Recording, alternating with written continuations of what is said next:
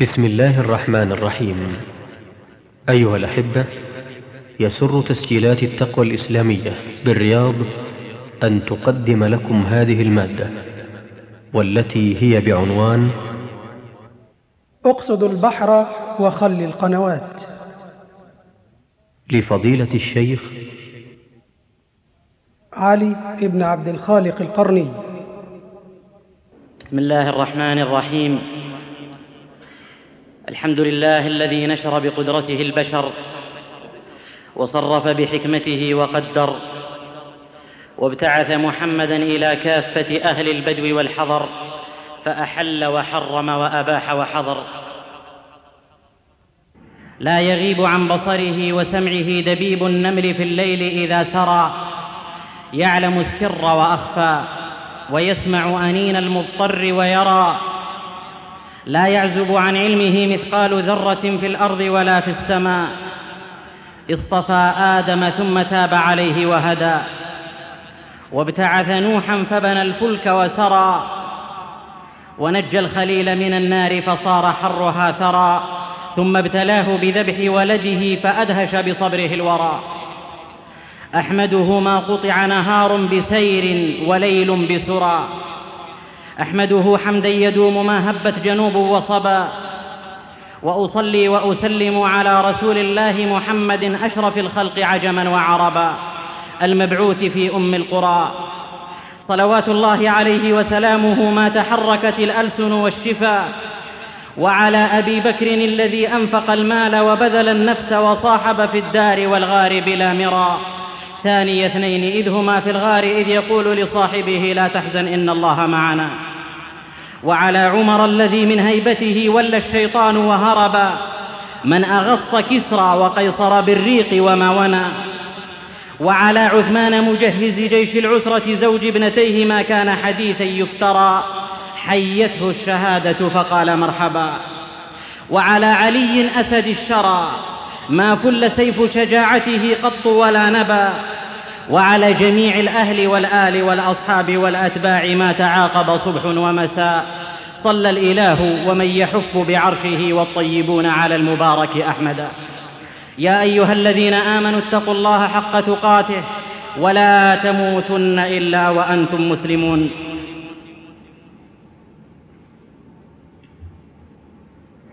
يا أيها الذين آمنوا اتقوا الله وقولوا قولا سديدا يصلح لكم أعمالكم ويغفر لكم ذنوبكم ومن يطع الله ورسوله فقد فاز فوزا عظيما. أحبتي في الله إن الإسلام عقيدة استعلاء تبعث في روح المؤمن إحساس العزة من غير كبر وروح الثقة في غير في غير اغترار وشعور الاطمئنان في غير تواكل. عقيدة تبحث فيه روح تبعث فيه روح الاستهانة بالمظاهر الجوفاء والاهتمام بالحقائق الناصعة البيضاء. تبعث فيه روح الاستهانة بالمظاهر الجوفاء والاهتمام بالحقائق الناصعة البيضاء. عقيدة تعلمه كيف يتغلب على شهوات النفس ومألوفات الحياة في سبيل الله. تعلمه نسيان حظوظ النفس في سبيل إعلاء دين الله. تعلمه كيف يستقبل الشدائد في سبيل الله بثغر باسم ونفس هانئة مطمئنة. عقيدة تشعر المؤمن بالتبعة الملقاة على كاهله تبعة الدعوة للبشرية الضالة لانتشالها من الضلالة إلى الهداية وإخراجها من الظلمات إلى النور. كنتم خير أمة أخرجت للناس تأمرون بالمعروف وتنهون عن المنكر وتؤمنون بالله.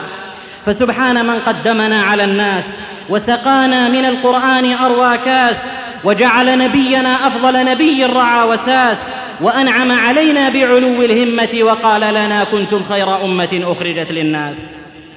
من, تأب من تأمل وتدبر ونظر وجد الأمة قد مرت بها فترات خيرية كانت فيها هادية الناس إلى باريها. قائدة رائدة كتيبة زينها مولاها لا كهلها هد ولا فتاها. وفي العصور المتأخرة تمر بالأمة فترة عصيبة كادت تفقد فيها هويتها لتصبح تابعة مسخا إمعا فإذا المسلم يجيل نظره في رقعة العالم الفسيح فيرتد بصره خاسئا وهو حسير. يوم يرى جموعا تسير في دروب متشابكة متعرجة في ليل بهيم تسير وتسير ويضنيها المسير. ثم لا تصل إلى البحر الذي تريد. تحدد أهدافا وتقصد غايات.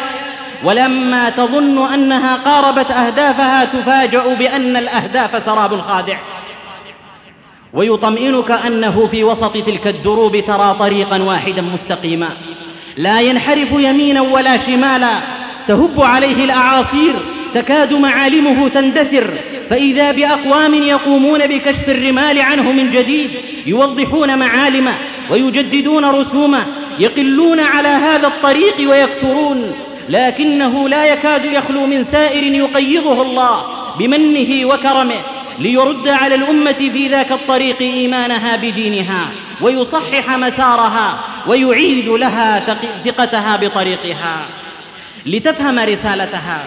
من مصلحين وأئمة يتعاقبون فيها إلى يوم إلى يومنا هذا كابن عبد الوهاب رحمه الله وغيره ممن يريدون العزيز الوهاب. يثبتون أن الأمة كالمطر لا يدرى أوله خير أم آخره. ولذا صوت حادي المصلحين في ظلام الليل البهيم على ذاك الطريق. إن هذا العصر ليل فأنر. أيها المسلم ليل الحائرين وسفين الحق في لج الهوى لا يرى غيرك ربان السفين.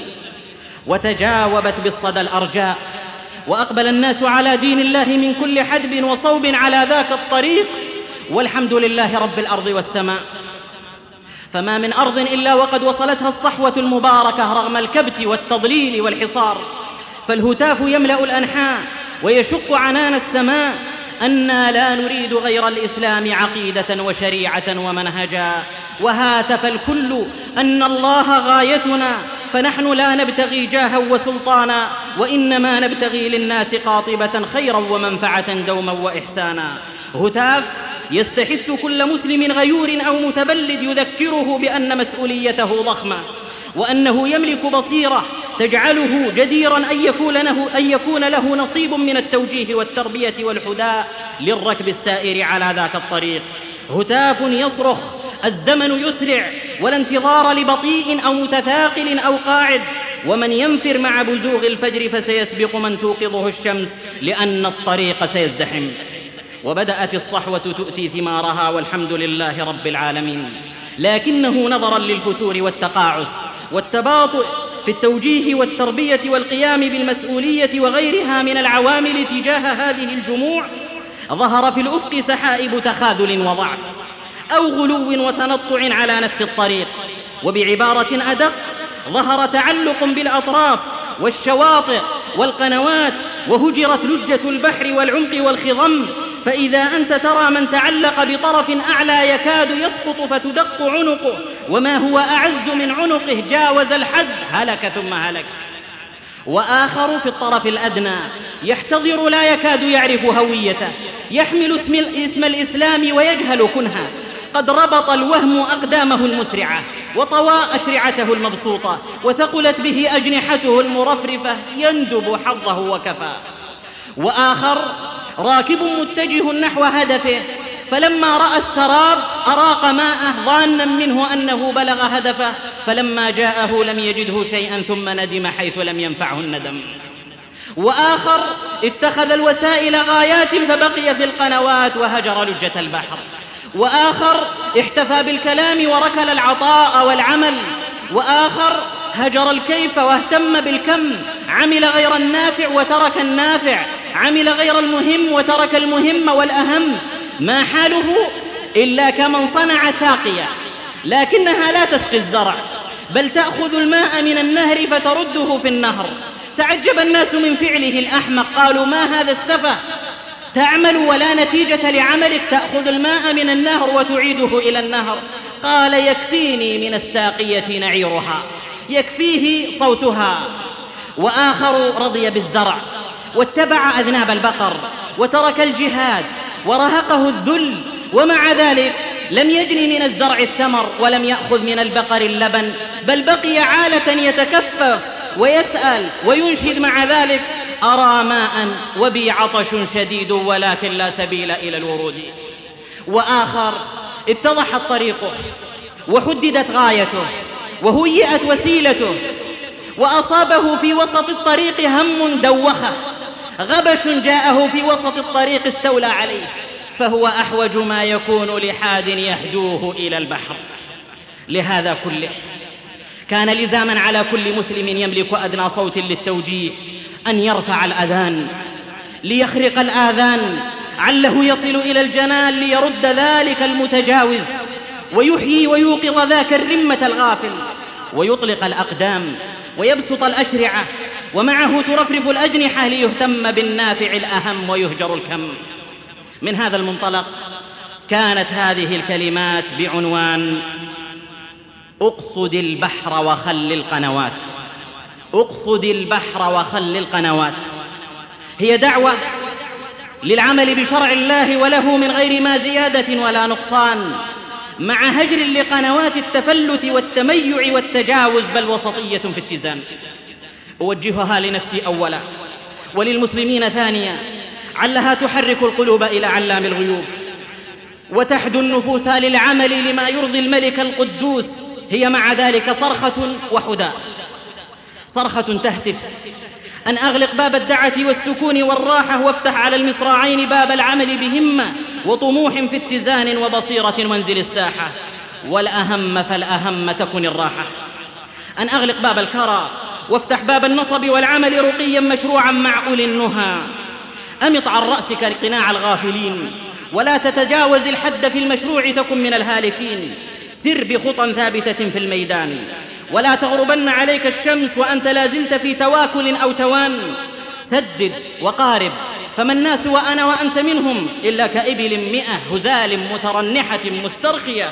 لا تكاد تجد فيها راحلة يثقلون الأرض من كثرتهم. ثم لا يغنون في أمر جلل. ومختار القليل أقل منه. غريب يا أيها الأحبة. غريب. أتختار الحياض وماؤها غثاء ونهر وبحر الدين تصفو مناهله. فر في اعتدال إلى الله. واصبر على اللأواء والموعد الله. لا لؤلؤ البحر ولا أصدافه إلا وراء الهول من عبابه. وهي كذلك أعني هذه الكلمات. حداء سريع لجميع الأطراف. أطوف فيه تطوافا حديثا كأشواط الرمل في طواف القدوم. أردد فيها أيها الساعي لكحل المقل غافلا عما به من كحل اسمع وعي لا تغفلا وسببا لا تهملا وأخلص اتبع تنجوا مع الدليل تجريا واثبت ودفعا للثمن ميز برفق أجبا وحق ذي حق اعطيا وفاضل الأمر اقصدا وخير خيرين اتبعا وشر شرين ادفعا وكن ذكيا واتزن بكثرة لا تعجبا وبعد هذا البحر فاقصد وقناة خليا. ذلك يعلم الله مني جهد المقل وقوة الضعيف الذي لا يكاد يمضي حتى يكل. وما أنا وهذا الأمر وأينما أقع منه إي والله. إن أنا إلا رجل يقرأ ليجمع ويكتب ليقرأ ما وسعه أن يتفرج ويندب. فإن أصاب فلكم ولا هم وإن أخطأ فعليه وخلاكم ذنب أعوذ بالله من فتنة القول وزوره وخطر الرأي وغروره. اللهم تجاوز عن زلاتي وجرأتي ولا تجعل حظي من ديني لفظي وارزقني الصدق في نيتي وقولي وعملي. اللهم إني أعوذ بك من الفقر إلا إليك ومن الذل إلا لك ومن الخوف إلا منك. اللهم إني أعوذ بك أن أقول زورا أو أغشى فجورا أو أن أكون بك مغرورا. اللهم إني أبرأ إليك من حولي وقوتي وألجأ إلى حولك وقوتك. لا إله إلا أنت سبحانك إني كنت من الظالمين. اللهم لا سهل إلا ما جعلته سهلا وأنت تجعل الحزن إذا شئت سهلا. فتى الإسلام. اقصد البحر بأسباب وخذ هول العباب. إياك والتواكل فإنه التخاذل وليس بالتوكل. لكل شيء سبب قدره المقتدر المالك المنفرد. فاطرق بحزم سببا وابذر بجد حبا وثمرا لا تنتظر نتيجة لا تملكا فالأمر للإله الواحد القهار. لا تكن أخي كمن يريد أن يزرع اليوم ولا أرض ليحصد غدا. ويغرس في الصباح ولا بذر ليجني في المساء ذاك محال. وخلاف سنة الله رب الأرض والسماء. أتطمع أن ترى غرسا وتهفو إلى ثمراته قبل الغراس محال. إن الله عز وجل كان قادرا أن ينصر نوحا صلوات الله وسلامه عليه ومن معه من أول الأمر. لكنه تركه يأخذ بالسبب. يدعو ليلا ونهارا سرا وجهارا ألف سنة إلا خمسين عاما. ثم نجاه الله بسفينة صنعها بيديه ولم تنزل له من السماء سنة الله ولن تجد لسنة الله تبديلا. فما نيل المطالب بالتمني ولكن ألق دلوك في الدلاء أحبتي إن طالب علم يريد حفظ كتاب الله ولما ينتظم في حلقة تحفيظ ولم يفتح المصحف إنما يطلب المحال ويسخر مع ذلك من نفسه.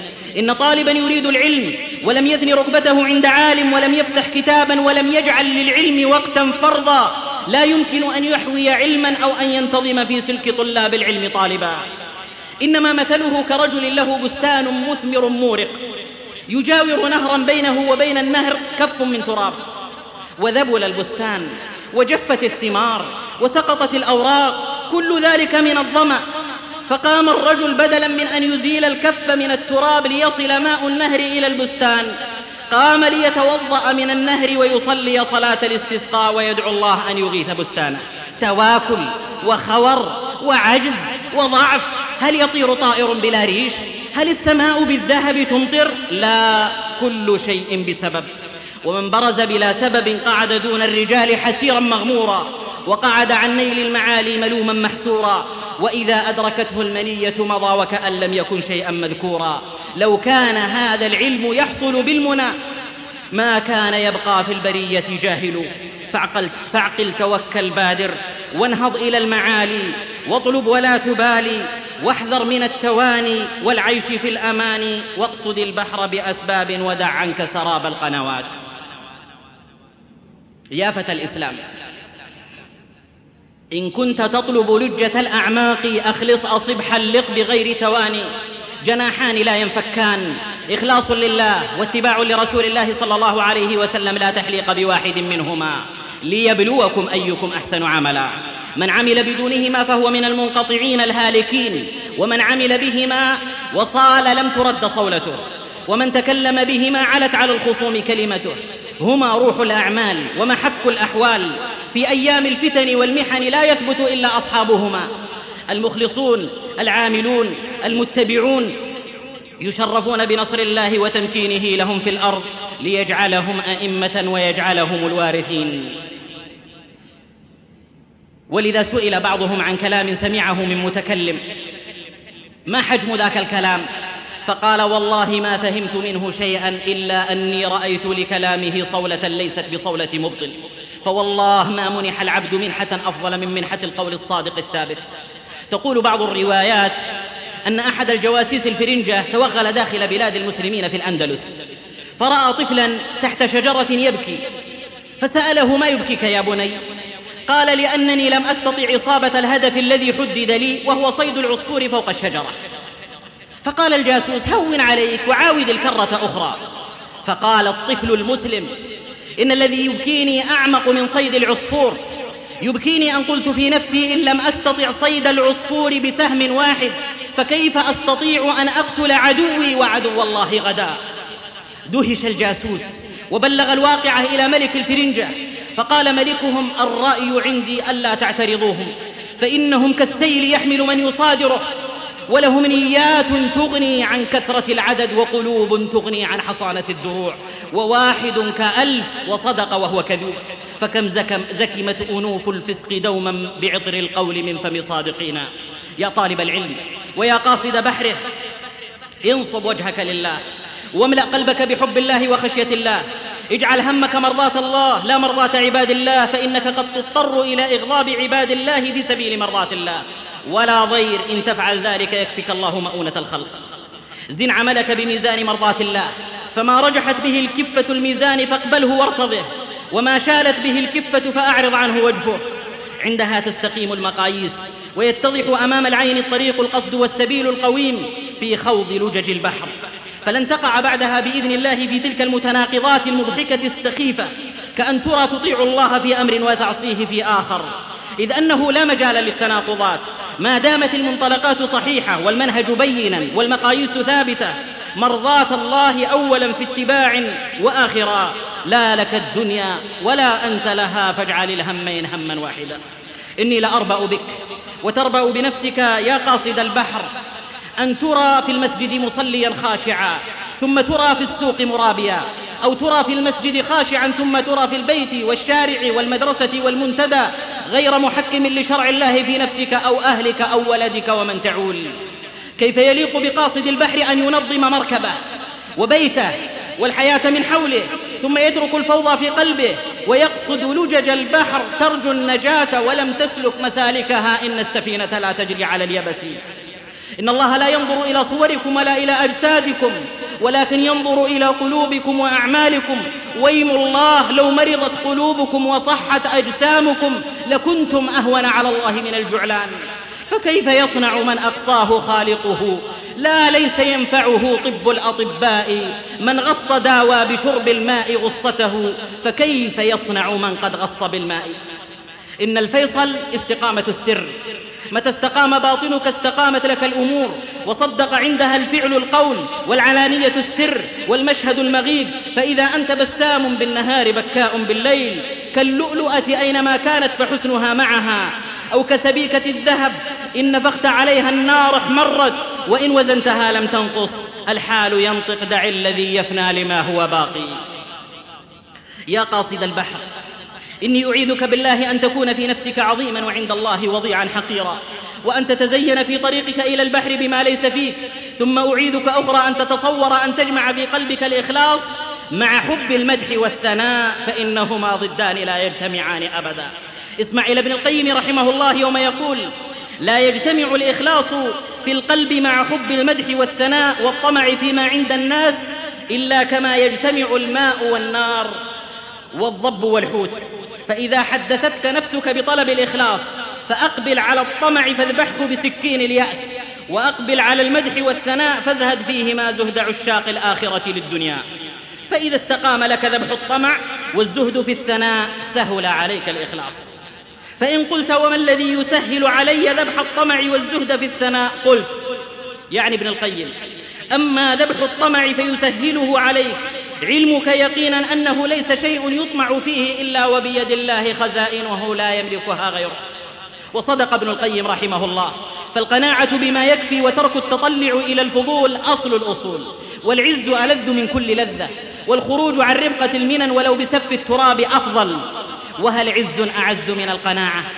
سئل أحدهم عن سر قوة الإمام الحسن البصري رحمه الله فقال في صراحة احتجنا إلى دينه واستغنى عن دنيانا. مر الحياة لمن يريد كرامة حلو ويفلح من يريد فلاحا.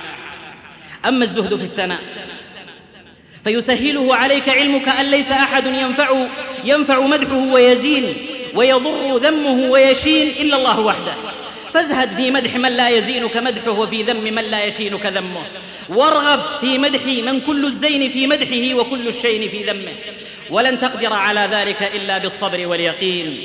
فمتى فقدت الصبر واليقين؟ كنت كمن أراد السفر في البحر من غير مركب. يا قاصد البحر حلق ثم خذ لجة اليم بقلب مخلص كالجبل لا يتزحزح أبدا. أو بقلب كالنخلة أصلها ثابت وتهزها الريح وإياك أن يكون قلبك الثالث كالريشة أينما الريح تميلها تمل. وجاهد فبالمجاهدة توفق وتسدد. وإذا الأرض أجدبت ذات يوم فهي تبغي من زارعيها اجتهادا. يقول مالك بن دينار إن الصدق يبدو في القلب ضعيفا كما يبدو نبات النخلة.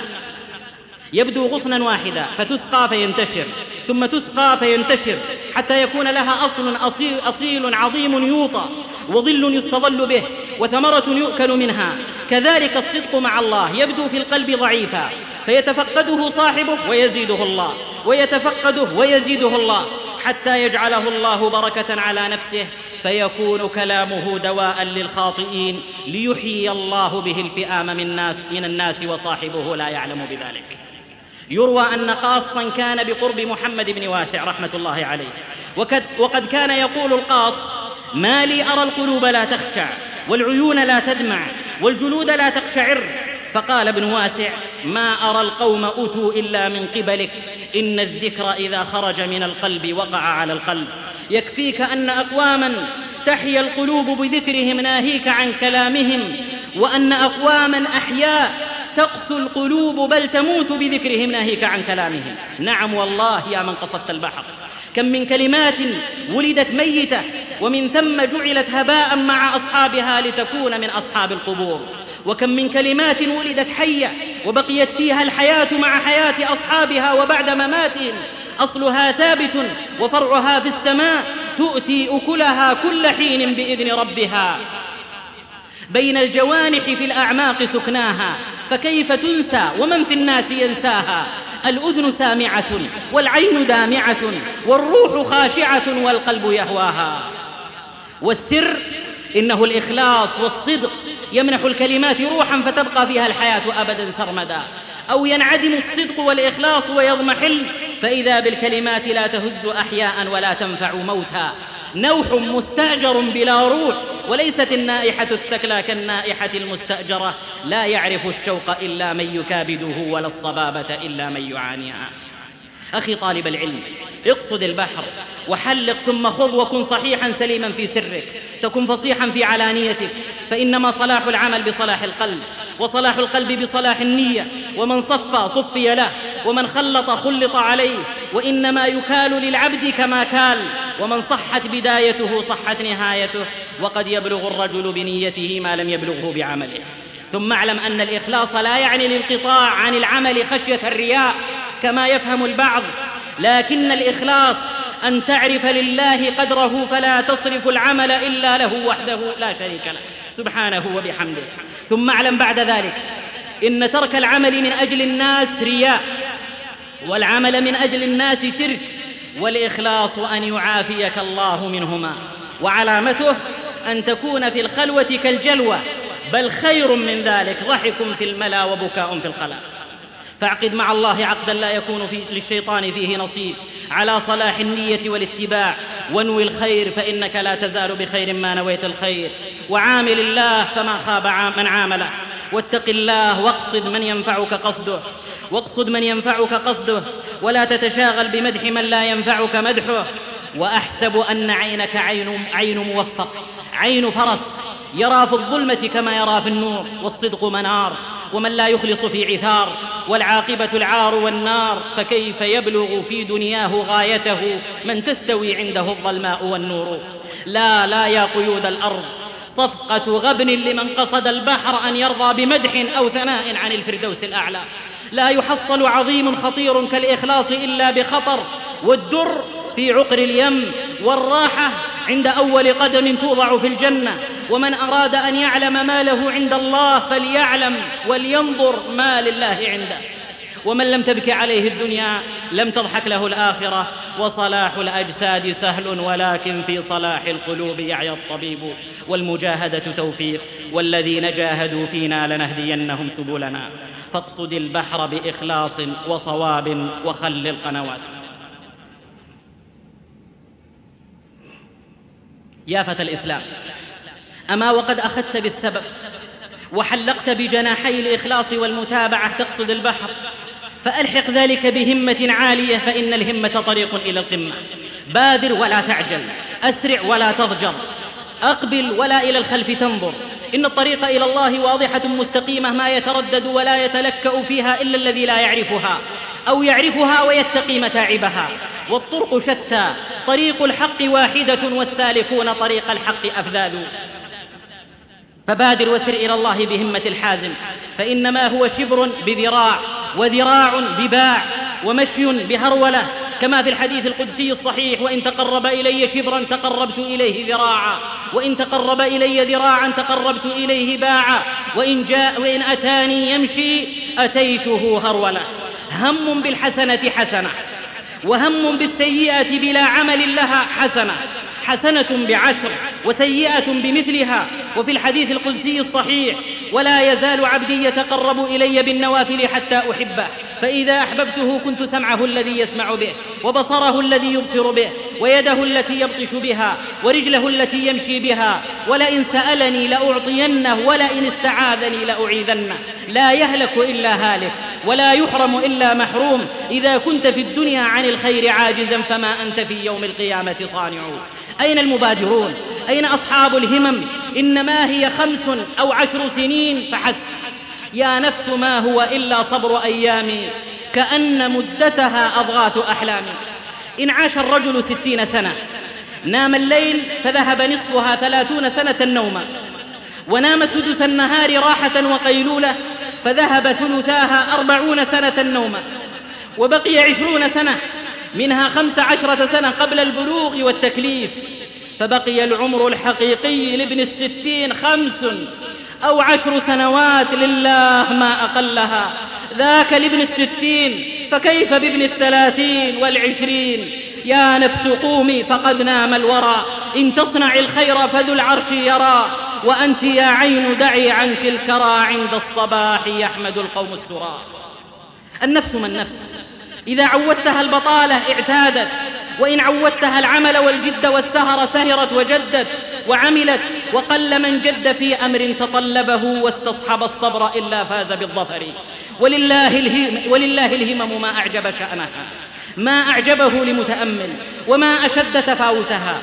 همة متعلقة بالعرش وهمة حائمة حول الأمتان والحش وبتفاوت الهمم تتفاوت الأعمال والدرجات وما كل من جر العباءة سيدا يخشى ولا كل المظاهر تبهر.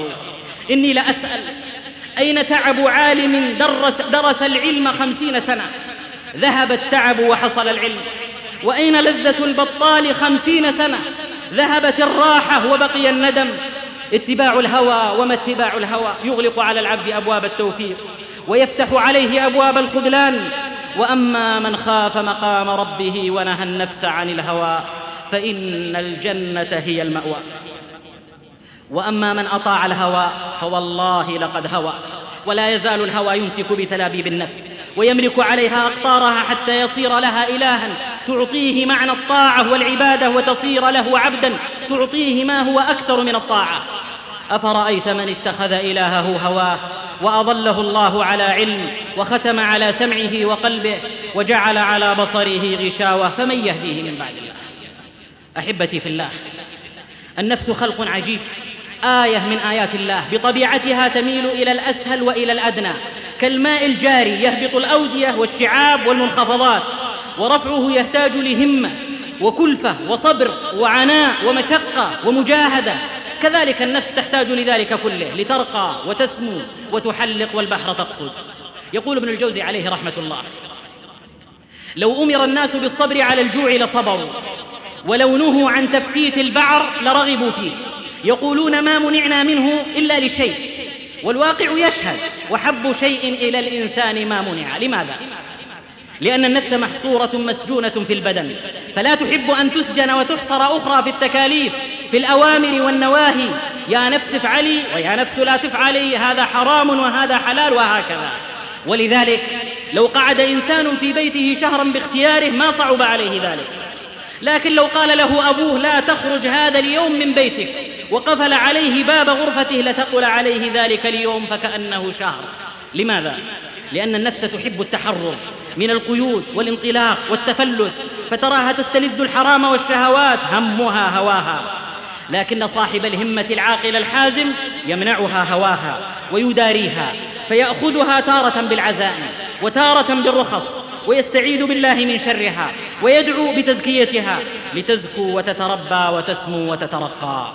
هي من خلق الله عز وجل والله أعلم بخلقه سبحانه وبحمده.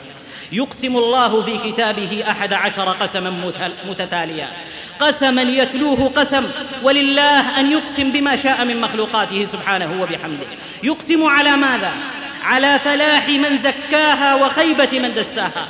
فيقول سبحانه والشمس وضحاها والقمر إذا تلاها والنهار إذا جلاها والليل إذا يغشاها والسماء وما بناها والأرض وما طحاها ونفس وما سواها فألهمها فجورها وتقواها. أين جواب القسم؟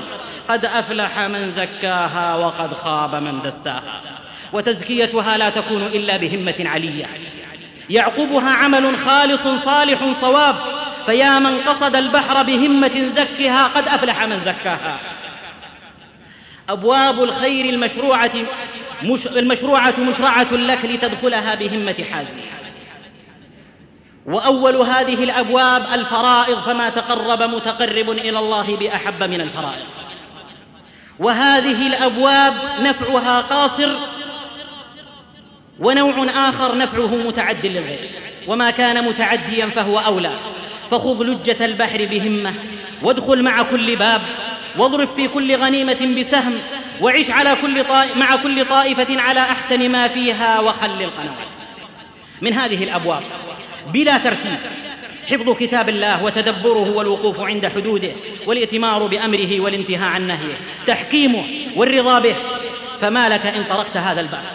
اسمع لقول الرسول صلى الله عليه وسلم كما ثبت في صحيح الجامع. لو كان القرآن في إهاب ما أكلته النار. لو كان القرآن في إهاب ما أكلته النار. يجيء القرآن يوم القيامة شفيعا لصاحبه. فيقول يا رب حله. فيلبس تاج الكرامة. ثم يقول القرآن يا رب زده. فيلبس حلة الكرامة. فيقول يا رب ارضى عنه. فيرضى الله عنه. فيقول القرآن اقرأ وارق ورتل كما كنت ترتل في الدنيا فإن منزلتك عند آخر آية تقرأها. حرف منه بحسنة والحسنة بعشر أمثالها. ألف لام ميم بثلاثين ويا خيبة البطالين. الحرف منه مضاعف وميسر. شقي الذي عن حكمه قد أعرضا. هبوا إليه لحفظه وتأهبوا. وارجوا رضا الرحمن صبحا والمساء. ويقول صلى الله عليه وسلم كما في صحيح الجامع لأن أقعد مع قوم يذكرون الله من بعد صلاة العصر حتى تغرب الشمس خير لي من أن أعتق أربع رقاب. ومن أعتق رقبة مسلمة أعتق الله بكل عضو منها عضوا منه حتى فرجه بفرجه. يا للغنيمة الباردة والله لا تتحقق اليوم إلا لأهل تحفيظ القرآن أهل حلقات التحفيظ هنيئا لهم ثم هنيئا يا فتى التحفيظ كن رابط الجأش وارفع راية الأمل وسر إلى الله في جد بلا هزل وإن شعرت بنقص فيك تعرفه فغذ روحك بالقرآن واكتملي وحارب النفس ومنعها غوايتها فالنفس تهوى الذي يدعو إلى الزلل. بشر المشائين في الظلم إلى المساجد بالنور التام يوم القيامة. من غدا إلى المسجد أو راح أعد الله له في الجنة نزلا كلما غدا أو راح. كيف لو أدرك تكبيرة الإحرام مع الإمام أربعين يوما. ثبت في صحيح الجامع أن رسول الله صلى الله عليه وسلم قال من صلى لله أربعين يوما في جماعة يدرك التكبيرة الأولى كتب له براءتان براءة من النفاق وبراءة من النار. هل حاولت وجاهدت نفسك لهذا الفضل العظيم؟ قد تدركها ثلاثين يوما وقد تدركها تسعة وثلاثين يوما وقد تدركها أربعين يوما إلا فرضا واحدا. ثم تنخرم القاعدة. لكن عد من جديد وجاهد نفسك وستجد بإذن الله لذة المجاهدة على هذا الفضل ماثلة ظاهرة. والشيء صعب على من لا يجربه. لكن من جد وجد ما كنت أرجوه إذ كنت ابن عشرين. ملكته بعد أن جزت الثمانين. إن سعيد بن المسيب رحمه الله يتحدث بنعمة الله عليه في آخر حياته فيقول لابنته والله ما فاتتني تكبيرة الإحرام مع الإمام أربعين سنة وما رأيت ظهر مصل في الصلاة أبدا بمعنى أنه في الصف الأول دائما وما يلقاها إلا من صبر ولا يزال قوم يتأخرون حتى يؤخروا. عيادة المريض ما العيادة؟ ما عيادة المريض؟ ثبت في صحيح في الصحيح عن علي رضي الله عنه. قال سمعت رسول الله صلى الله عليه وسلم يقول ما من مسلم يعود مسلما غدوة إلا صلى عليه سبعون ألف ملك حتى يمسي وإن عاده عشية صلى عليه سبعون ألف ملك حتى يصبح. وفي حديث ثوبان ولم يزل في خرفة الجنة حتى يرجع. ومع ذلك المنادي ينادي طبت وطاب ممشاك وتبوأت من الجنة منزلا. إنها الغنيمة يا أهل الغنيمة. فأين صاحب الهمة المشمر؟ فما العمر إلا صفحة سوف تنطوي وما المرء إلا زهرة سوف تذبل. الطواف بالبيت يا أهل البيت الحرام. ثبت في صحيح الجامع أن رسول الله صلى الله عليه وسلم قال من طاف بالبيت أسبوعا يعني سبعة أشواط. كان كعتق رقبة. ولا يضع قدما ولا يرفع أخرى إلا حط الله عنه بها خطيئة وكتب له بها حسنة. لأهل السوق ما هو خير من كل ربح يربحونه. ثبت أيضا في صحيح الجامع أن من دخل السوق فقال لا إله إلا الله وحده لا شريك له. له الملك وله الحمد يحيي ويميت وهو حي لا يموت. بيده الخير وهو على كل شيء قدير. كتب الله له ألف ألف حسنة. ومحى عنه ألف ألف سيئة ورفع له ألف ألف درجة وبنى له بيتا في الجنة. فهل تذكرنا ذلك عند دخول الأسواق؟ ما أعظم الأجر وأيسر الأمر. والله لحسنة من هذه خير من الدنيا وحطامها وزخارفها ولذاتها. من أنظر معسرا فله بكل يوم مثل دينه صدقة. فإذا حل الدين فأنظره. فله بكل يوم مثل دينه مرتين صدقة. فضل من الله ونعمة. وثبت في صحيح الجامع أن فيك يا ابن آدم ثلاثمائة وستين عظما أو مفصلا. على كل مفصل في كل يوم صدقة. تحتاج إلى ثلاثمائة وستين صدقة. على كل مفصل صدقة. والكلمة الطيبة صدقة. عون الرجل أخاه صدقة. الشربة من الماء تسقيها صدقة. تبسمك في وجه أخيك صدقة. أمر بالمعروف ونهي عن منكر صدقة. إرشاد الرجل في أرض الضلال صدقة. بصرك الرجل الرديء البصر لك صدقة. إماطتك, إماطتك الحجر والشوكة والعظم عن الطريق صدقة. إفراغك من دلوك في دلو أخيك صدقة. في كل كبد رطبة صدقة. تسبيحة صدقة. تهليلة تكبيرة صدقة. من علم آية من كتاب الله عز وجل كان له ثوابها ما تليت ومن علم علما فله أجر من عمل به لا ينقص من أجر العامل شيء. الشفاعة في غير حدود الله صدقة. اشفعوا تؤجروا والبخيل من بخل بجاهه. ذبك عن عرض أخيك قربة من أعظم القرب. يذب بها الله يذب بها الله عز وجل النار عن وجهك. عدل بين اثنين صدقة. تعين الرجل ليحمل على دابته صدقة. ترفع متاعه على دابته صدقة. كل خطوة إلى الصلاة صدقة. كل ما تصنع لأهلك من معروف صدقة. كل قرض صدقة. كف الشر عن الناس صدقة. كل معروف تقدمه لغني أو فقير صدقة. إسماع الأصم صدقة. البيان عن الأعجم صدقة. من نفس عن مدينه أو عفى عنه كان في ظل العرش يوم القيامة. من نصر أخاه بظهر الغيب نصره الله في الدار الآخرة. من ستر مسلما ستره الله في الدنيا والآخرة. من سلك طريقا يلتمس فيه علما سهل الله به طريقا إلى الجنة. إنقاذ الناس من الضلالة وإخراجهم من الظلمات إلى النور أفضل قربة. فلأن يهدي الله بك رجلا واحدا خير لك من حمر النعم. وكلما كان نفع العمل متعديا إلى الغير كان أعظم أجرا. ولك أن تتصور هذه الأمة اليوم. كل مسبح ومهلل وذاكر ومستغفر ومجاهد ومتصدق وحاج وصائم كل أعمالهم لنبينا محمد صلى الله عليه وسلم مثلها. لأنه السبب في هذه الهداية ولأنه هو الذي حمل الخير إلى الأمة فمن يستطيع أن يأتي بأعمال تضاهي عمل رسول الله صلى الله عليه وسلم. يوم يأتي بعمله هو وعمل أمة محمد صلى الله عليه وسلم كلها في ميزانه. وذلك فضل الله يؤتيه من يشاء. والله ذو الفضل العظيم. فنسأل الله من فضله. ثبت في صحيح الجامع أنه صلى الله عليه وسلم قال أحب الناس إلى الله أنفعهم وأحب الأعمال إلى الله عز وجل سرور تدخله على مسلم. تكشف عنه كربة أو تقضي عنه دينا أو تطرد عنه جوعا. ثم يقول صلى الله عليه وسلم ولا أن أمشي مع أخي المسلم في حاجة أحب إلي من أن أعتكف في هذا المسجد شهرا. يعني مسجده صلى الله عليه وسلم. ومن كف غضبه ستر الله عورته ومن كظم غيظا لو شاء أن يمضيه أمضاه ملأ الله قلبه رضا يوم القيامة. ومن مشى مع أخيه المسلم في حاجته حتى يثبتها له أثبت الله قدمه يوم تزل الأقدام وإن سوء الخلق ليفسد العمل كما يفسد الخل العسل. إذا الروض أمسى مذبا في ربيعه ففي أي حين يستنير ويخصب؟ يا من قصد البحر بهمة لا تستوحش إن قل السالكون. فقد سبقك السابقون ولعلك تزيد من همتك بالوقوف على بعض مواقفهم. فإليهم إليهم بلا اختيار قد صوت حاديهم بك. منازل من تهوى رويدك فانزلي ها هو المحدث الفقيه. الأديب إبراهيم الحربي يعتل في آخر حياته حتى يصبح صفر اليدين من متاع الدنيا فليس في بيته إلا الخبز الجاف والملح. ولا غرو قد ينال العصفور وفرا ويبقى في سجل الخمول تلك الصقور. ويبعث له الخليفة بألف دينار. فيرفض أن يأخذها فينصرف رسول الخليفة إلى الخليفة ويخبره. فيقول الخليفة ليفرقها في جيرانه. فرجع رسول الخليفة إلى إبراهيم وقال إن أمير المؤمنين يسألك أن تفرقها في جيرانك. فقال عافاك الله هذا مال لم نشغل أنفسنا بجمعه فلا نشغلها بتفريقه قل لأمير المؤمنين إن لم يتركنا تحولنا عن جواره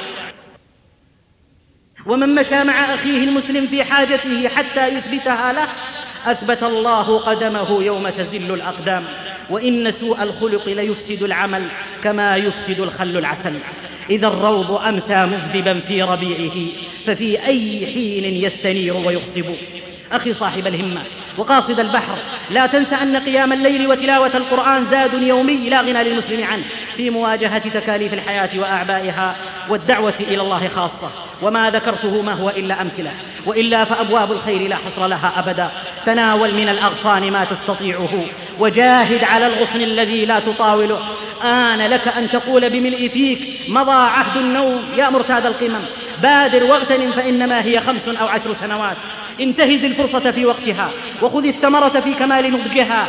ولا تعجل فتطلب الشيء قبل وقته فلا تدركه. وتقطف الثمرة قبل نضجها فلا تنتفع بها.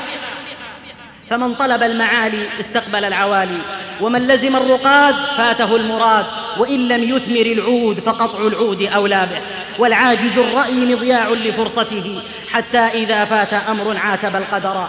والراضي بالدون دنيء ولم أر في عيوب الناس عيبا كنقص القادرين على التمام. يا من قصد البحر بهمة لا تستوحش إن قل السالكون. فقد سبقك السابقون ولعلك تزيد من همتك بالوقوف على بعض مواقفهم. فإليهم إليهم بلا اختيار قد صوت حاديهم بك. منازل من تهوى رويدك فانزلي.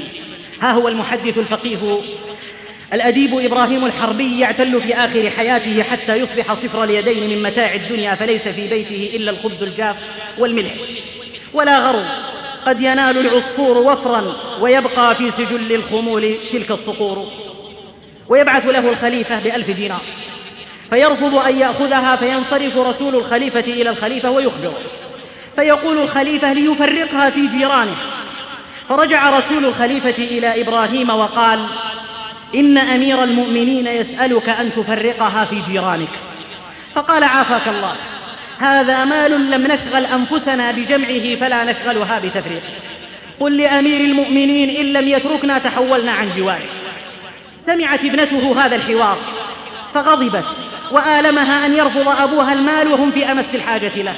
وجاء عمها لزيارتهم فقالت يا عم نحن في أمر عظيم لا في الدنيا نحن ولا في الآخرة الشهر والدهر. ما لنا من طعام إلا كسر يابسة وملح وربما عدمنا الكسر وربما عدمنا الملح. وقد أرسل الخليفة بألف دينار فلم يأخذها وأرسل فلان فلم يأخذ منه وهو عليل كما ترى يا عماه. فنظر عمها إلى أبيها يريد أن يجيبها. فالتفت إبراهيم إلى ابنته وتبسم وقال لها يا بني أو إنما تخافين الفقر؟ قالت نعم. قال انظري إلى تلك الزاوية. فنظرت في زاوية البيت فإذا كتب بعضها فوق بعض. قالت أبتاه ماذا تغني هذه عنا؟ فقال هذه اثنا عشر ألف جزء في الحديث والفقه واللغة. كتبتها بيميني. إذا أنا مت فبيعي كل جزء منها بدرهم. أو يفتقر من يملك اثني عشر ألف درهم حاله؟ طعام دون طعام ولباس دون لباس جوع قليل وعري قليل وبرد قليل وذل قليل وصبر قليل وإلى الله المصير. ليس السعيد الذي دنياه تسعده إن السعيد الذي ينجو من النار. إنها الهمم. تجعل في قلب صاحبها نارا تتقد كنار تتقد في قلب من يجد ابنه مريضا لا يملك له شيئا. أو من لا يجد في بيته شيئا يسد به رمق أولاده وهم يتضاغون عند قدميه. يقلق ويضطر إلى بذل الجهد والسعي. إنها اثنا عشر ألف جزء وبيمينه خطها والإمكانات غير متوفرة فلله الهمم ما أعلاها وأسماها. والعبد عبد النفس في شهواتها والحر يشبع مرة ويجوع. يقول أبو العباس ثعلب ما فقدت إبراهيم الحربي من مجلس لغة ولا فقه منذ خمسين سنة. له همة تعلو على كل همة كما قد على البدر النجوم الدراريا ابن عباس ينام على عتبة زيد بن ثابت يطلب العلم رضي الله عنه وأرضاه. والإمام عيسى بن موسى يقول مكثت ثلاثين سنة أشتهي الهريسة ولا أقدر على شرائها لأن وقت بيعها في السوق هو وقت سماع الحديث. شتان بين الناس في أهدافهم شتان بين عصا وحسام. وأحد السلف في سكرات الموت يقول أجلسوني لأصلي ركعتين؟ فيقولون عافاك الله أفي مثل هذه الحال؟ قال نعم الآن تطوى صحيفتي وأريد أن أختمها بركعتين. عل الله أن يرحمني. فنالوا المراد وفازوا به فطوبى لهم ثم طوبى لهم. ليست الهمة في الرجال فحسب بل إنها في النساء وفي الصبيان في الصغار فاسمع. في معركة أحد روي أن رسول الله صلى الله عليه وسلم رد مجموعة من الفتيان لم يبلغوا وكان منهم رافع, رافع وسمرة. ولشوقهما للجهاد في سبيل الله لم يستسلما للأمر. قام كل منهما يستعرض ما لديه من قدرات تثبت كفاءته للقتال. يرفع نفسه يمشي على أطراف أصابعه ليبين أنه بلغ مبلغ الرجال. فقيل لرسول الله صلى الله عليه وسلم إن رافع الرام الخامسة عشرة فأجازه صلى الله عليه وسلم. فقال سمرة يا رسول الله أجزت هذا ورددتني ولو صارعته لصرعته؟ قال صلى الله عليه وسلم دونك. يعني صارعه. فتصارعا فصرعه سمرة فأجازه صلى الله عليه وسلم. فيا لله شباب امتلأت قلوبهم بالإيمان, امتلأت قلوبهم بالإيمان واختلطت بحيوية الشباب وقوة البدن فسخروها فيما يرضي الله فرضي الله عنهم وأرضاهم. فهل من مقتد بهم يا شباب الأمة؟ أو من يفكر في الصعود؟ كمن يفكر في النزول؟ من يبتغي هدفا بغير الحق يعيا بالوصول. وها هو سفيان بن عيينة رحمه الله. يقول كان أبي صيرفيا بالكوفة فركبه الدين فحملنا إلى مكة وأنا يومئذ صبي. سفيان لا زال صبيا. يقول وصرنا إلى المسجد لصلاة الظهر. ولما كنت على باب المسجد إذا شيخ على حمار هيئته هيئة صاحب حديث.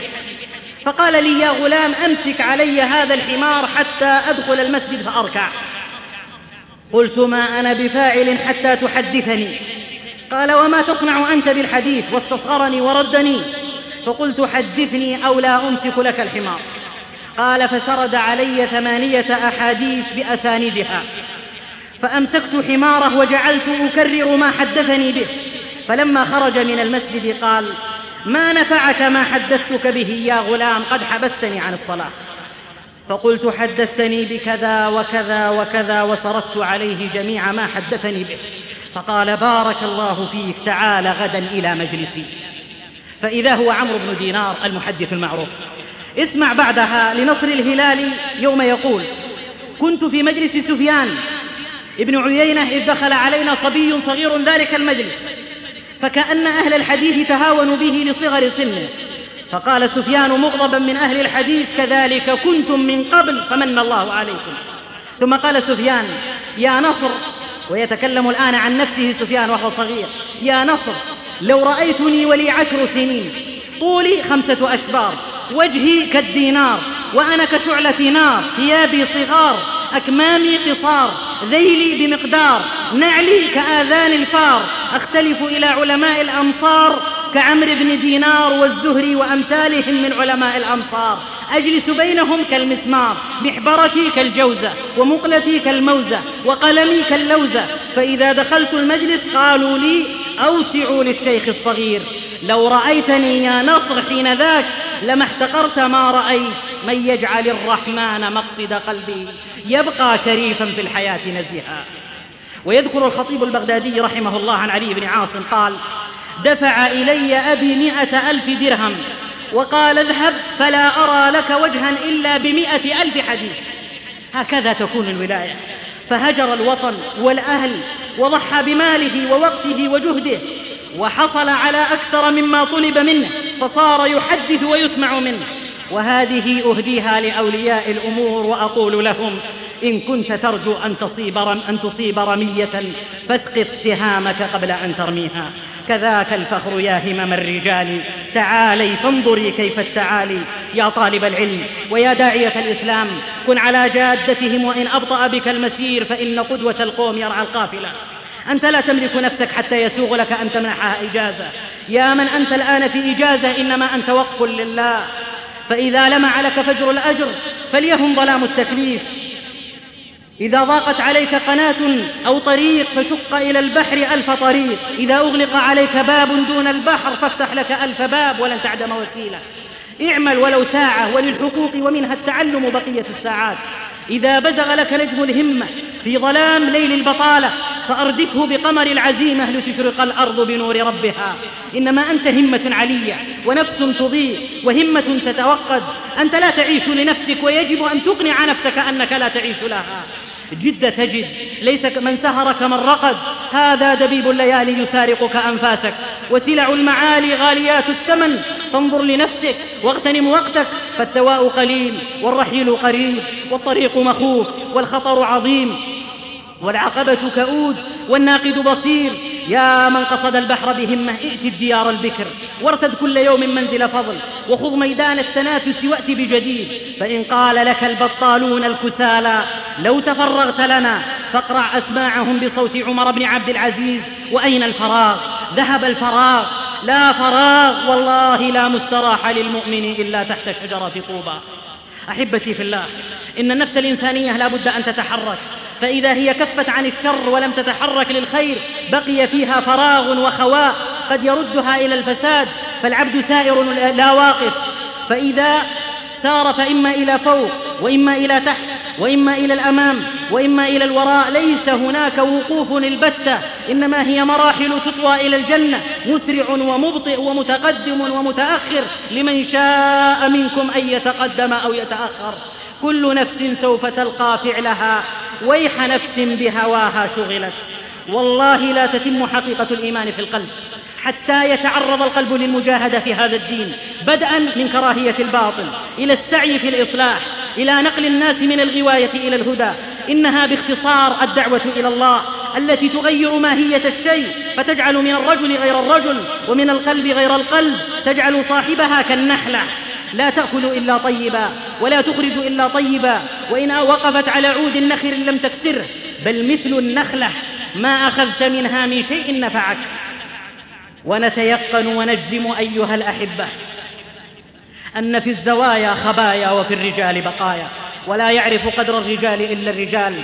والهمم المنوطة بالرجال عظام. وعلى قدر أهل العزم تأتي العزائم. وتأتي على قدر الكرام المكارم. وتعظم في عين الصغير صغارها وتصغر في عين العظيم العظائم.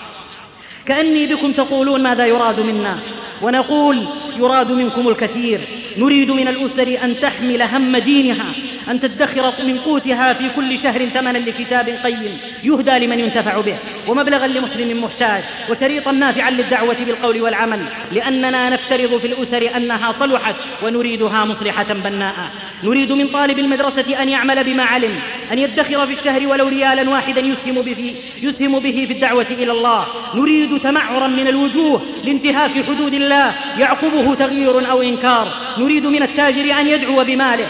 يقتطع مبلغا شهريا يجعله في مصالح المسلمين. يطبع كتابا ينفع الله به. المسلمين ينظر معسرا ينفس كربا يقضي دينا يطرد جوعا. نريد من المربين والمربيات من المعلمين والمعلمات أن يقوموا بدورهم في غرس الإيمان في قلوب أبناء الأمة. فوالله إنهم لمسؤولون عن أبناء الأمة. نريد أقلاما قوية بليغة. عندها المقدرة البيانية والطلاوة الأدبية وحلاوة التعبير التي تنفذ الدعوة بها إلى عقول الناس وقلوبهم.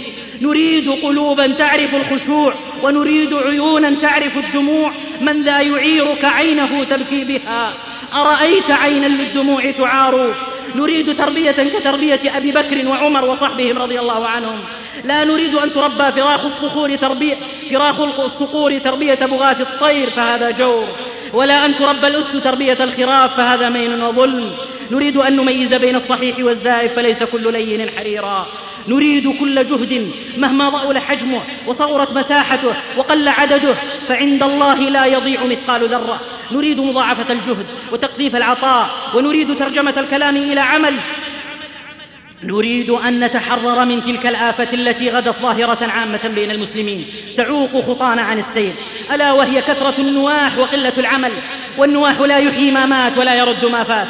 آفتنا كثرة الشاكين المتوجعين وقلة المداوين. كثرة من يسبون الظلام وقلة من يوقدون الشموع. نعم يا قاصد البحر. كثرت الشكوى من الأدواء والمآسي ولعلك ترى ذلك وتلمسه لم يعد هناك أحد إلا ويشكو. فمن المشكو منه إذن؟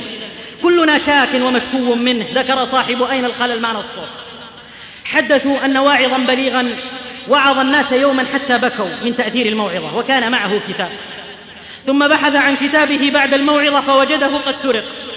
نظر إلى الحاضرين عله أن يلمح بينهم وجها تروح أو تلوح عليه آثار الجريمة. لكنه وجد الجميع متأثرين يبكون. فقال لهم كلكم يبكي فمن سرق الكتاب؟ كلكم يبكي فعلا فمن سرق الكتاب. نعم كلنا نشكو فمن المشكو منه؟ إن علينا أن ننتقل من دائرة الشكوى إلى دائرة العمل المتواصل الدؤوب العمل الحاضر والمستقبل. وإن لم نشكو فلا نريد أن نكون من المتفرجين. وممن ينتظر العمل من الآخرين بل يعمل الجميع وكل على قدر جهده وطاقته. وعودا على بدء للرجل دوره وللمرأة دورها وللصبي والكبير والغني والفقير دوره. المهم أن يعمل الجميع وأن يضع كل منا نفسه في المكان الملائم من استطاع. أن يميط شوكة عن طريق فليمطها. ومن أمكنه أن يبذر حبة في الأرض فليبذرها. نريد باختصار حمل هم الدعوة من كل واحد منا. أينما حل وأينما رحل كل وفق تخصصه وينفق مما لديه لا يكلف الله نفسا إلا ما آتاها. إن كان عنده علم دعا به مال دعا به ولا مبرر للقعود أبدا فالمسؤولية على الجميع وهي مشتركة وتتفاوت. فمسؤولية العالم أكبر من مسؤولية الجاهل ومسؤولية صاحب السلطة أكبر من مسؤولية من لا سلطة له ومسؤولية صاحب المال أكبر من مسؤولية من لا مال له. وإن كان الكل مسؤولا كل مسلم رجل يعمل لدينه. والأمة كلها مسؤولة عن فرائض الله وأحكام الله وشرائع الله. ذكر أن أحد المستمعين قال لأحد الدعاة يوما بعد محاضرة ألقاها ذاك الداعية قد مضى لكم ثلاثون سنة وأنتم تتكلمون فماذا صنعتم؟ وكان جواب الداعية مفاجئا له حين قال وأنتم مضى لكم ثلاثون سنة صامتون تستمعون فماذا صنعتم؟ هذا حق على المستمع كما على المتكلم مسؤولية تحويل الكلام إلى عمل والأفكار إلى وقائع. وإن اختلفت درجة المسؤولية. المسلم مطالب بالعمل إلى آخر رمق. حتى لو قامت الساعة وفي يده فسيلة فليغرسها إن أمكنه. فلينطلق كل فرد حسب طاقته. يدعو إلى الله إخفاء وإعلانا. ولنترك اللوم لا نجعله عدتنا. ولنجعل الفعل بعد اليوم ميزانا. نريد أن نكون كتلة كالمطر. لا يدرى أوله خير أم آخره. كتلة فيها الكفاية في كل ناحية. كتلة هي في غنى عن العالم وليس العالم في غنى عنها تملأ كل ثغر وتسد كل عوز وعجز. فإنه والله لا عمل أبقى وأنفع للمسلم من عمل يقضيه في الدعوة إلى الله بيانا باللسان وجهادا باليد ونفقة من العلم والمال والوقت. وكل مسلم على ثغرة من ثغور الإسلام وعليه أن يسدها أيا كان تخصصه ومستواه وموقعه. إن كان في الحراسة ففي الحراسة وإن كان في الساقة في الساقة. همه أداء الواجب والمشاركة والقيام بالمسؤولية. وفق ما لديه من استطاعة لا يكلف الله نفسا إلا وسعها. يا قاصد البحر. لعلها فتحت لك آفاق وشحنت همتك. فحدد أهدافك وسر وحلق مع الهمم العالية. وإياك والنظر إلى الخلف لئلا, لئلا تضعف فتؤكل. فالقلب كالطائر كلما علا بعد عن الآفات. وكلما هبط احتوشته الآفات. وما المرء إلا حيث يجعل نفسه. خذ من الأسباب ما يقوي همتك من مجاهدة ودعاء صادق أن يعلي الله همتك وقراءة لسير سلفك أهل الهمم ومصاحبة لأهل الهمم والأهم والأهم فإن العمر يعجز عن تحصيل الكل إن لم تكن للحق أنت فمن يكون والناس في محراب لذات الدنايا عاكفون. فكن رجلا رجله في الثرى وهامة همته في الثريا واقصد البحر بإخلاص وصواب وهمة وخل القنوات. فتى الإسلام يا من قصد البحر بإخلاص وصواب وهمة اعلم أن سنة الله التي لا تتبدل ألا ينال ما يرجى ويؤمل إلا بثمن. ليس هناك شيء بالمجان. وكلما كانت السلعة نفيسة كان الثمن أنفس وأغلى وهذا ما أدركه القائل يوم قال بصرت بالراحة الكبرى فلم أرها تنال إلا على جسر من التعب قلما تجد ثمرة إلا ومعها زنبور ولا لذة إلا وإلى جانبها شيء محذور ولن يظفر أحد بمطالبه شفعا. مهما كد وسعى بل مرعا بلا ماء وماء بلا مرعى. ونحلة مع الشهد وشوكة مع الورد أرض بها عشب زاك وليس بها ماء وأخرى بها ماء بلا عشب. كيف ينال الفضل والجسم خامل وادع؟ وكيف يؤتى المجد والوفر وافر؟ أي مطلوب نيل من غير مشقة؟ أي مرغوب لم تبعد على طالبه الشقة؟ المال لا يحصل إلا بالتعب والعلم لا يدرك إلا بالنصب واسم الجواد لا يناله بخيل ولقب الشجاع لا يحصل إلا بلأي طويل. لولا المشقة ساد الناس كلهم الجود يفقر والإقدام قتال من خاف أدلج ومن أدلج بلغ المنزل. سلعة الله أغلى وأعلى سلعة الله الجنة. قد يكون الثمن جهدا ووقتا وقد يكون مالا وامتحانا وقد يكون دما مراقا وبلاء. لا ضير ما دامت السلعة تستحق. فإن المر حين يسر حلو وإن الحلو حين يضر مر. فخذ مرا تصادف منه نفعا ولا تعدل إلى حلو يضر. ادفع الثمن وسابق واقصد البحر وخل القنوات.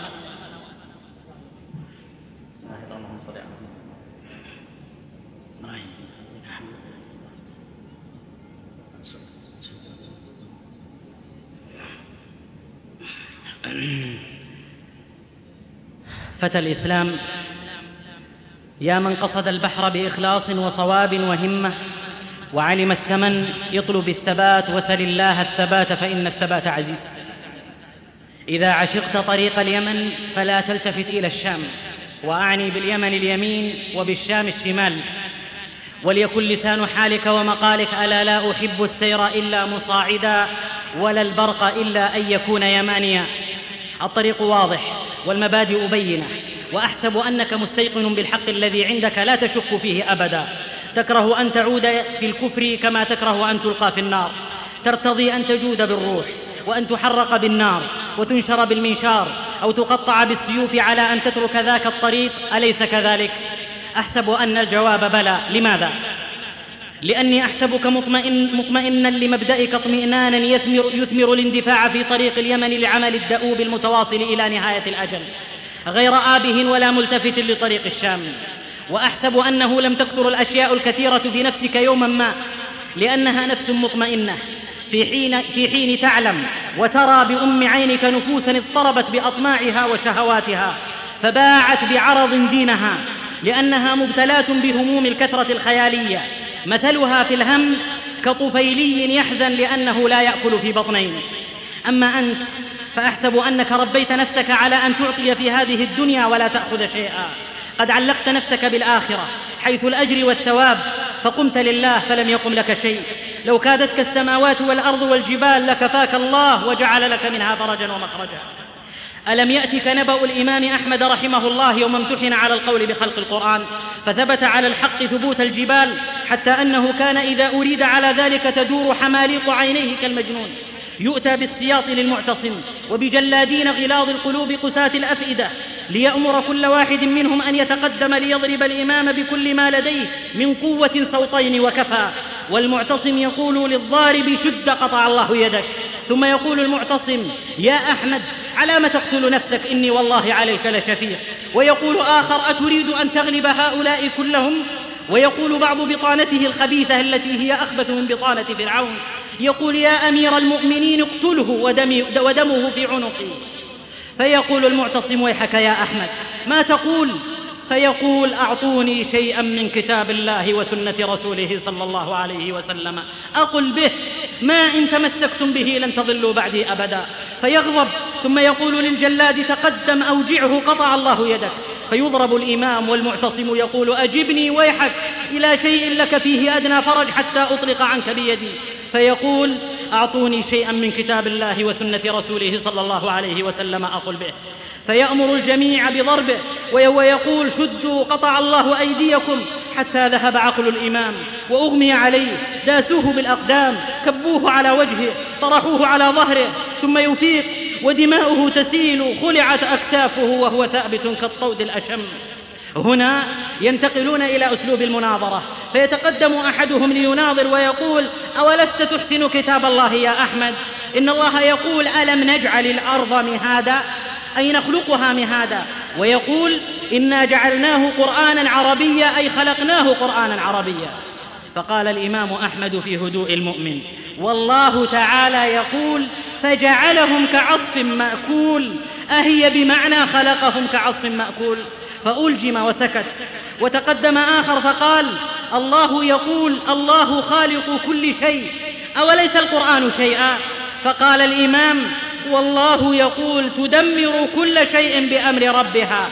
فهل دمرت كل شيء أم دمرت ما أراد ربها؟ فبهت وسكت ولا غرو من ذا يساوي بين تغريد البلابل والنعيم يقول أحدهم مغضبا بعد ذلك وأنت لا تقول إلا كتاب سنة كتاب سنة فكان حال الإمام ينطق.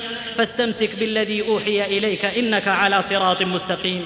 لسنا وإن عزبت أحلامنا وخوت منا الرؤوس بقول الزور ننبهر. وثبت الإمام أحمد عليه رحمة الله ونصر الله به السنة. وكان بحق إمام هذه الأمة في علمه وثباته وتواضعه. يقول أحدهم له جزاك الله خيرا عن الإسلام يا إمام.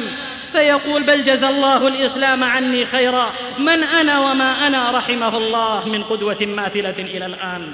قاد الهوى الفجار فانقادوا له وأبت عليه مقادة الأبرار. وفي العهد نفسه يراد أبو يعقوب البويطي على القول بخلق القرآن فيمتنع فيحبس ببغداد حتى مات في الحبس. يقول قبل موته والذي لا إله إلا هو لاموتن في حديدي هذا حتى يأتي من بعدي قوم يعلمون أنه قد مات في هذا الشأن قوم في حديدهم. أحسب الناس أن يتركوا ومن لاذ بالله في دربه كفاه المهيمن من كل شر. سيد رحمه الله يحكم عليه بالإعدام وتأتي أخته فتقول اعتذر عله يخفف عنك قال اعتذر عن العمل مع الله؟ والله لو كان التعامل مع غير الله لاعتذرت ولكنه مع الله. حاله إن بقي شيء في الأجل فلن يقدم وإن لم يبق شيء فلن يؤخر. إني وزنت الذي يبقى ليعدله ما ليس يبقى فلا والله ما اتزنا أخي سالك طريق اليمن. رب نفسك وليزمجر بحرك الله غايتنا. وهل من غاية أسمى وأغلى من رضا الرحمن؟ أعدها للبيع على الله عز وجل. فإنه يوشك من أهمل نفسه أن ينهزم قلبه وتخذله نفسه عند أول اختبار وبادرة هزة. فيتراءى لك أنه حي يرزق ولكنه في الحقيقة ميت. غمد محلى بلا سيف وجدول غير ثابت. إن طريق العقيدة الصحيحة والدعوة إليها طريق الأنبياء شاق تتقاصر دونه الهمم الساقطة والعزائم الضعيفة وتجزع دونه الأرواح الهزيلة والقلوب الخاوية. طريق الحق محفوف بشوك ومحتاج إلى طول المراس إن العقيدة والله لا تحتاجنا. بيد أنا نحتاجها لنتذوق طعم الحياة بها. فاسلك طريق الإيمان وتدبر القرآن وتعرف في الرخاء على الرحمن واستيقن أن الرزق مضمون والأجل محدود. وقف على أخبار من ثبت تطمئن وتسكن. فإذا حصل اطمئنانك إلى أن ما تفعله حق وأنه لله واستعنت بالله فليكن حداؤك ودعاؤك. يا مقلب القلوب ثبت قلوبنا على دينك ثم اسلك طريق اليمن قاصدا البحر ولا تلتفت لطريق الشام وخل القنوات. فتى الإسلام. بل يا قاصد البحر التميز التميز. إذ هو في حياتك عمدة وضرورة خاصة في عصور طغيان الحياة المادية على الحياة. تميز للمسلم يتمثل في تمسكه وقبضه على دينه عقيدة وعبادة وسلوكا بمعنى أن لا يتميع في دينه وينصهر مع المتفلتين منه تحت وطأة الفساد وضغط الواقع ومسايرة المجتمع كما يقال. نعم إنه ليعرف بإصراره على دينه والغيرة على محارم الله أن تنتهك وأي دين وأي خير وأي تميز في من يرى محارم الله تنتهك وحدوده تضيع ودينه يترك وسنة رسوله يرغب عنها وهو بارد القلب ساكت اللسان شيطان أخرس.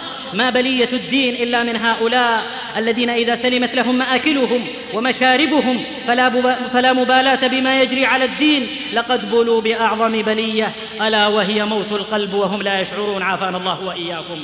يتميز المسلم بصحة معتقده عند فساد الاعتقاد بالتزام السنة عند فشو البدعة بصدق الإيمان عند فشو النفاق. بعبادته إذ الناس يلهون بأخلاقه إذا هدرت القيم بالصدق في المعاملة إذا فشى الغش بصمته إذا كثر الخوف بمحاسبته نفسه, نفسه إذا أهملها الغير بدعوته بجهاده إذا أقبلت الدنيا على أهلها فغرقوا في لججها. بالإنصاف حتى مع الشنآن لا يخجل من انتمائه لدينه لا يخجل من منهاجه وشريعته لا, لا يخجل من أن يتحدث بلغته لغة القرآن ولا يخجل من لباسه الذي يخالف به الكفار. التميز ضروره للسائرين على الدرب ليقدم منهجه للعالمين عمليا قويا. يذكر أبو الحسن الندوي عليه حفظه الله ورحمه أنه وقع نزاع بين الهندوك والمسلمين في قرية في الهند على أرض. يقول الهندوك أنها معبد لهم ويقول المسلمون أنها لهم مسجد وتحاكموا إلى الحاكم الإنجليزي في ذلك الوقت. سمع حجة الفريقين وتحاكم ولم يطمئن إلى نتيجة معينة في محاكمتهم. فسأل الهندوك هل يوجد في القرية مسلم تثقون بصدقه وأمانته أحكم على رأيه؟ قالوا نعم فلان وسموا شيخا من صالح المسلمين وعلمائهم. تميز حتى بين الكافرين.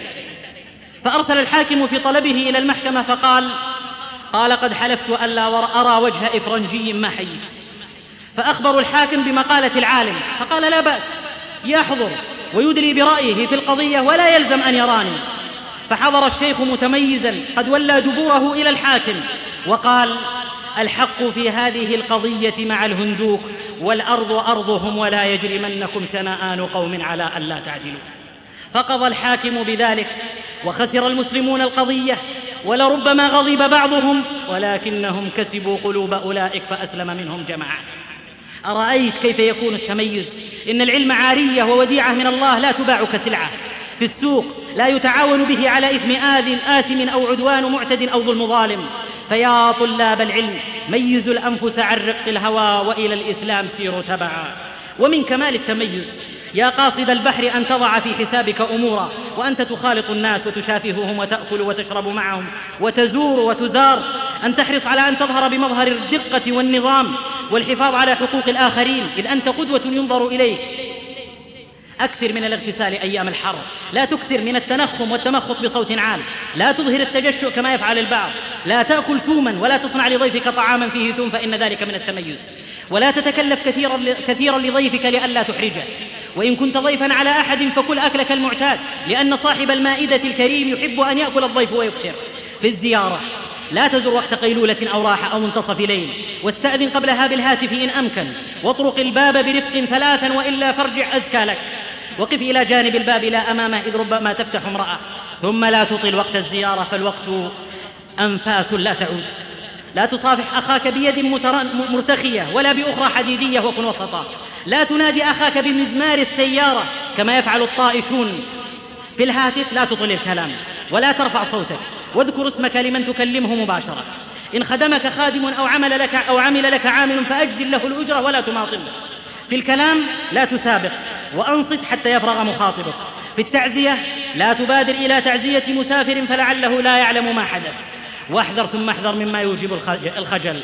وإياك وما يعتذر منه. ويثلم المروءة فإن الشافعي قد طبق هذا المعنى فقال والله لو علمت أن الماء البارد يثلم مروءتي ما شربته إلا حارا تميز عام حتى في اللعب حتى في الرائحة في كل الأمور. فإن العرق يعرف بغصنه والقول يعرف بلحنه والصبح لا يتمارى في إسفاره ولا يفتقر إلى دليل على إشراق أنواره. وما كل من قال القريض بشاعري وما كل من عاش الهوى بمتيم. فاقصد البحر تميز وخل القنوات. يا فتى الإسلام اقصد البحر متز... معتدلا متزنا في حبك وبغضك وولائك وعداوتك. واحمل معك ميزان السنة الذي ذكره شيخ الإسلام ابن تيمية رحمه الله. يوم يقول في فتاواه إذا اجتمع في الرجل الواحد خير وشر وبر وفجور وطاعة ومعصية وسيئة وبدعة استحق من الموالاة والثواب بقدر ما فيه من الخير ومن العداوة والعقاب بقدر ما فيه من الشر فيجتمع بالشخص موجبات الإكرام والإهانة.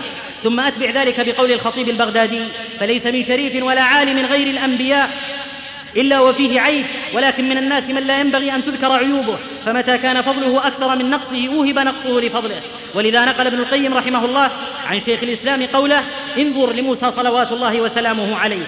رمى الألواح التي فيها كلام الله فكسرها وجر بلحية نبي مثله وهو هارون عليه السلام ولطم عين ملك الموت ففقأها.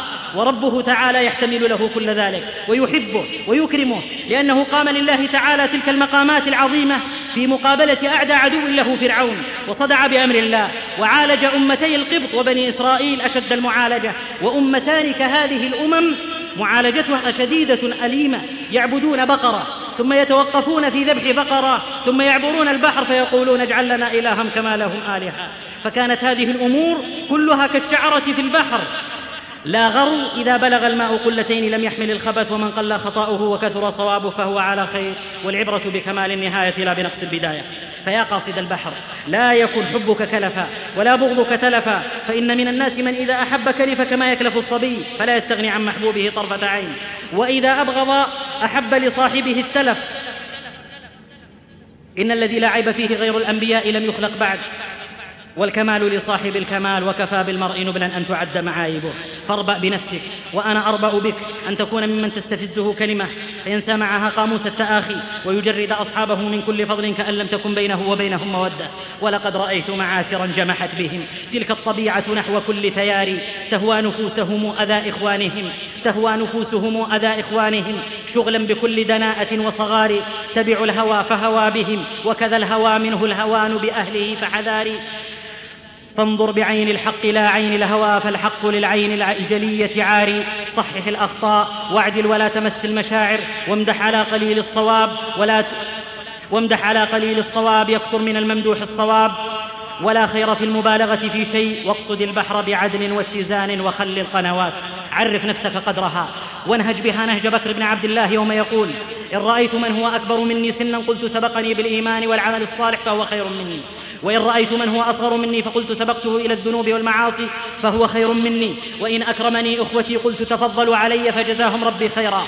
إن أهانني إخوتي قلت ذاك لذنب أصبته وعهد بيني وبين الله ضيعته. ورحم الله امرأ عرف قدر نفسه. قدر نفسه فاقصد البحر وقدر النفس فاعرف وخل القنوات. فتى الإسلام خذهم بالرقى. إن المهارى يهيجها على السير الحداء. لين القول أدعى للقبول بالتي هي أحسن بالموعظة الحسنة. وقولوا للناس حسنا فبما رحمة من الله لنت لهم. فما كان الرفق في شيء إلا زانه وما نزع من شيء إلا شانه. وإن الله رفيق يحب الرفق في الأمر كله. ومن يحرم الرفق يحرم الخير كله. لا مداهنة ولا نفاق بل نصح في أسلوب دمث مؤثر يفتح القلوب ويشرح الصدور. في الحديث الصحيح أن النبي صلى الله عليه وسلم لما أراد المسير إلى حنين بعث إلى صفوان بن أمية وهو كافر ليطلب منه أن يعيره مئة درع وما يصلحها من, عدة من عدتها وعتادها. فقال صفوان أغصبا يا محمد؟ فقال صلى الله عليه وسلم لا بل عارية مضمونة حتى نؤديها إليك. فأعار النبي صلى الله عليه وسلم الدروع وأمره النبي صلى الله عليه وسلم أن يحملها إلى حنين فحملها. ولما عاد النبي صلى الله عليه وسلم غانما من حنين وقد تلفت بعض الدروع في الحرب قال لصفوان إن شئت غرمتها لك يا صفوان. فقال صفوان لا وجعل ينظر إلى شعب مليء بنعم وشاء ورعاء ويديم النظر إلى ذلك النعم. ورسول الله صلى الله عليه وسلم يرمقه. ثم قال صلى الله عليه وسلم أبا وهب أيعجبك هذا؟ قال نعم. قال فهو لك. فقال صفوان مه والله ما طابت نفس أحد بمثل هذا إلا نفس نبي. أشهد أن لا إله إلا الله وأنك رسول الله ودخل في دين الله. خذهم بالرقى إن المهارى يهيجها على السير الحداء. وثبت في مستدرك الحاكم أن زيد بن سعنى أحد أحبار اليهود.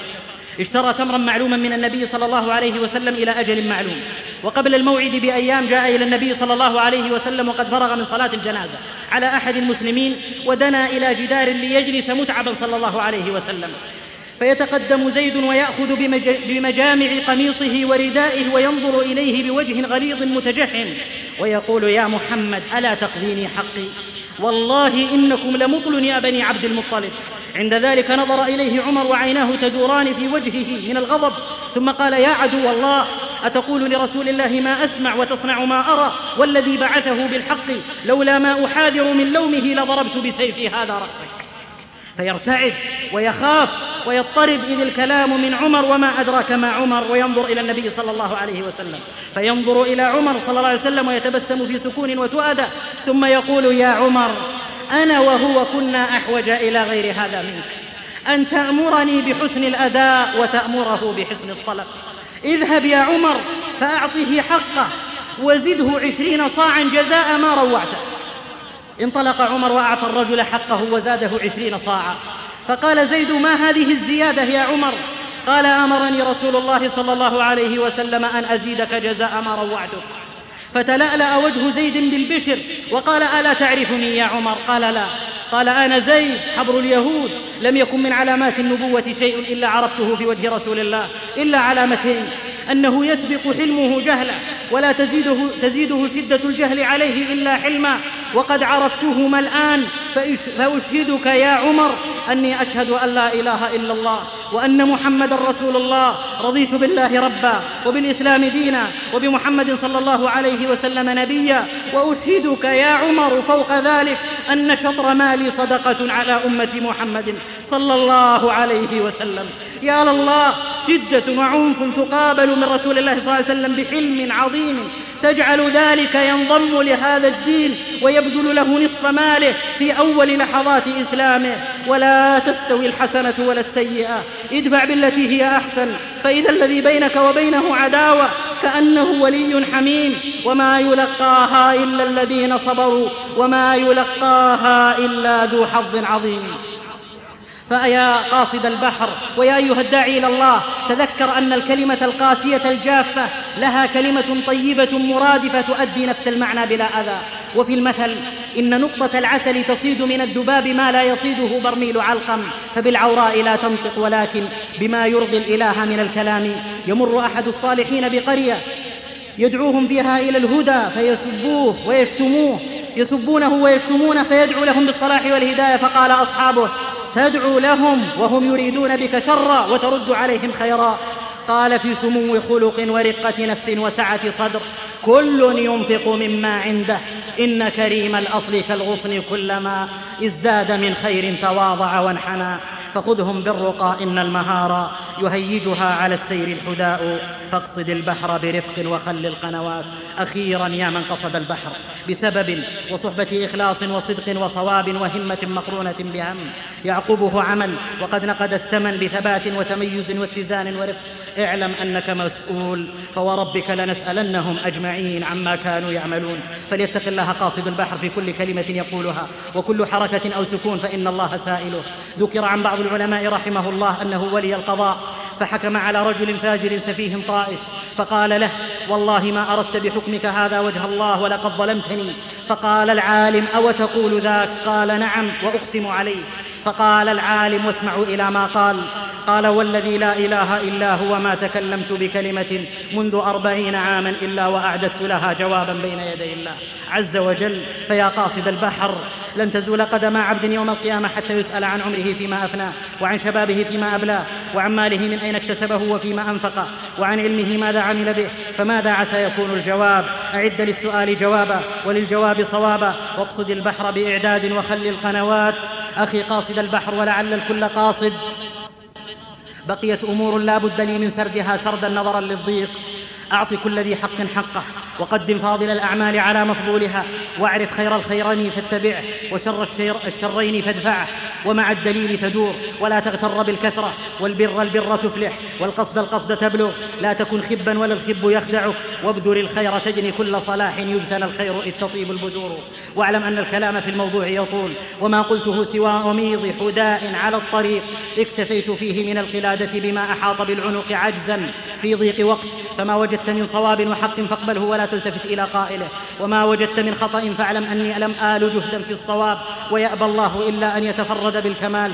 والنقص في أصل الطبيعة كامن. وكيف يعصم من الخطأ من خلق ظلوما جهولا. لكن إن تجد عيبا فسد الخللا جل من لا عيب فيه وعلا. واقصد البحر وخل القنوات. أسأل الله بأسمائه الحسنى وصفاته العلى أن ينفعنا بما علمنا. وأن يزيدنا علما وعملا. اللهم كن لنا وامكر لنا. وانصرنا وأعنا. واهدنا واهد بنا ويسر الهدى. لنا. اللهم كن للمستضعفين والمضطهدين والمظلومين. اللهم اجبر كسرهم وتول أمرهم. اللهم أزل عنهم العناء واكشف عنهم الضر والبلاء. اللهم أنزل عليهم من الصبر أضعاف ما نزل بهم من البلاء. يا سميع الدعاء. يا حي يا قيوم. يا أيها الإخوة بموجب فهرس تسجيلات التقوى فإن رقم هذا الشريط هو أحد عشر ألفا وثلاثمائة وثمانية وأربعون.